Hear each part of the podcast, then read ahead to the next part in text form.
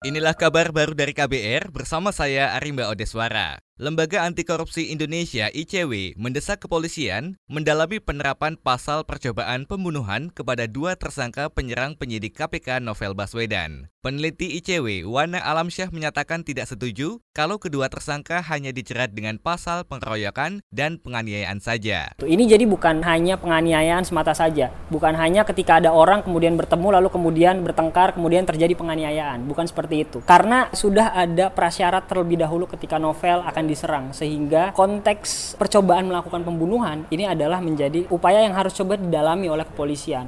Peneliti ICW Wana Alamsyah menambahkan, pendalaman terhadap penerapan pasal percobaan pembunuhan perlu dilakukan untuk menguak adakah aktor yang menyuruh kedua tersangka itu menyiram air keras ke wajah Novel Baswedan. Sementara itu, saudara, bekas Direktur Utama PT Garuda Indonesia, Emir Syah Shatar, didakwa menerima suap 46 miliar rupiah. Dakwaan dibacakan Jaksa Penuntut Umum dari Komisi Pemberantasan Korupsi KPK saat sidang di Pengadilan Tindak Pidana Korupsi Jakarta hari ini. Terhadap dakwaan suap itu, Emir Syah Satar menyatakan tidak mengajukan eksepsi atau bantahan. Karena, menurut Emir Syah, secara formil surat dakwaan sudah benar, meskipun secara material ada yang tidak akurat. Uh, dalam kesempatan ini, saya minta maaf karena persahabatan saya memicu perbuatan yang hilaf dan tidak semua yang dikatakan dalam surat dakwaan adalah benar. Sehingga saya mohon keadilan dari majelis hakim yang terhormat. Dan atas dasar ini juga saya tidak mengajukan eksepsi. Itu tadi bekas Dirut Garuda Indonesia Emir Syah Satar. Sebelumnya, Jaksa Penuntut Umum KPK mendakwa Emir Syah menerima suap sebesar 46 miliar rupiah dari pendiri PT Mukti Rekso Abadi Sutikno Sudarjo. Suap diberikan antara lain supaya Emir Syah membantu Sutikno turut serta dalam proyek perawatan dan pengadaan pesawat di maskapai Garuda Indonesia.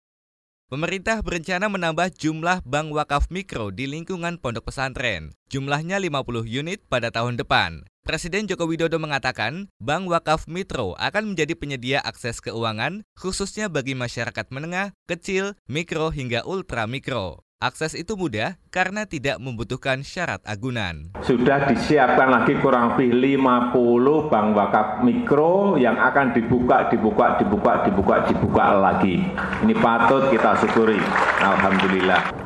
Pemerintah ingin agar dari pondok pesantren dan lingkungan pondok pesantren apabila ada keinginan-keinginan untuk membesarkan usaha-usaha yang ada di situ ada banknya yaitu bank wakaf mikro Presiden Jokowi juga menyebut dari 56 bank wakaf mikro yang saat ini ada di berbagai pondok pesantren se-Indonesia sudah memiliki 25 ribu nasabah yang merupakan pelaku UMKM. Sedangkan dana yang sudah disalurkan mencapai 34 miliar rupiah. Jokowi menilai kredit dari bank wakaf mikro sangat cocok untuk pelaku UMKM karena tanpa bunga dan hanya dikenakan biaya administrasi 3% per tahun.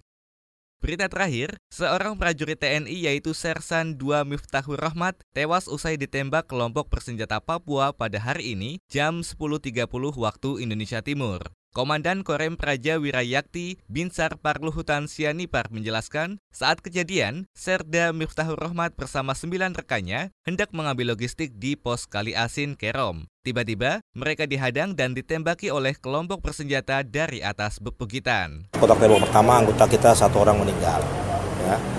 Nah, kemudian satu orang luka, tapi hanya rekoset saja dia yang melindungi almarhum itu yang yang apa namanya yang kena pelipisnya. Nah, jadi kemudian dievakuasi, segera kita evakuasi menggunakan helikopter. Komandan Korem Praja Wirayakti Binsar Parluhutan Sianipar juga mengatakan, Serda TNI Miftahur Rahmat tewas akibat tertembak pada bagian dada atas. Demikian kabar baru dari KBR, saya Arimba Odeswara.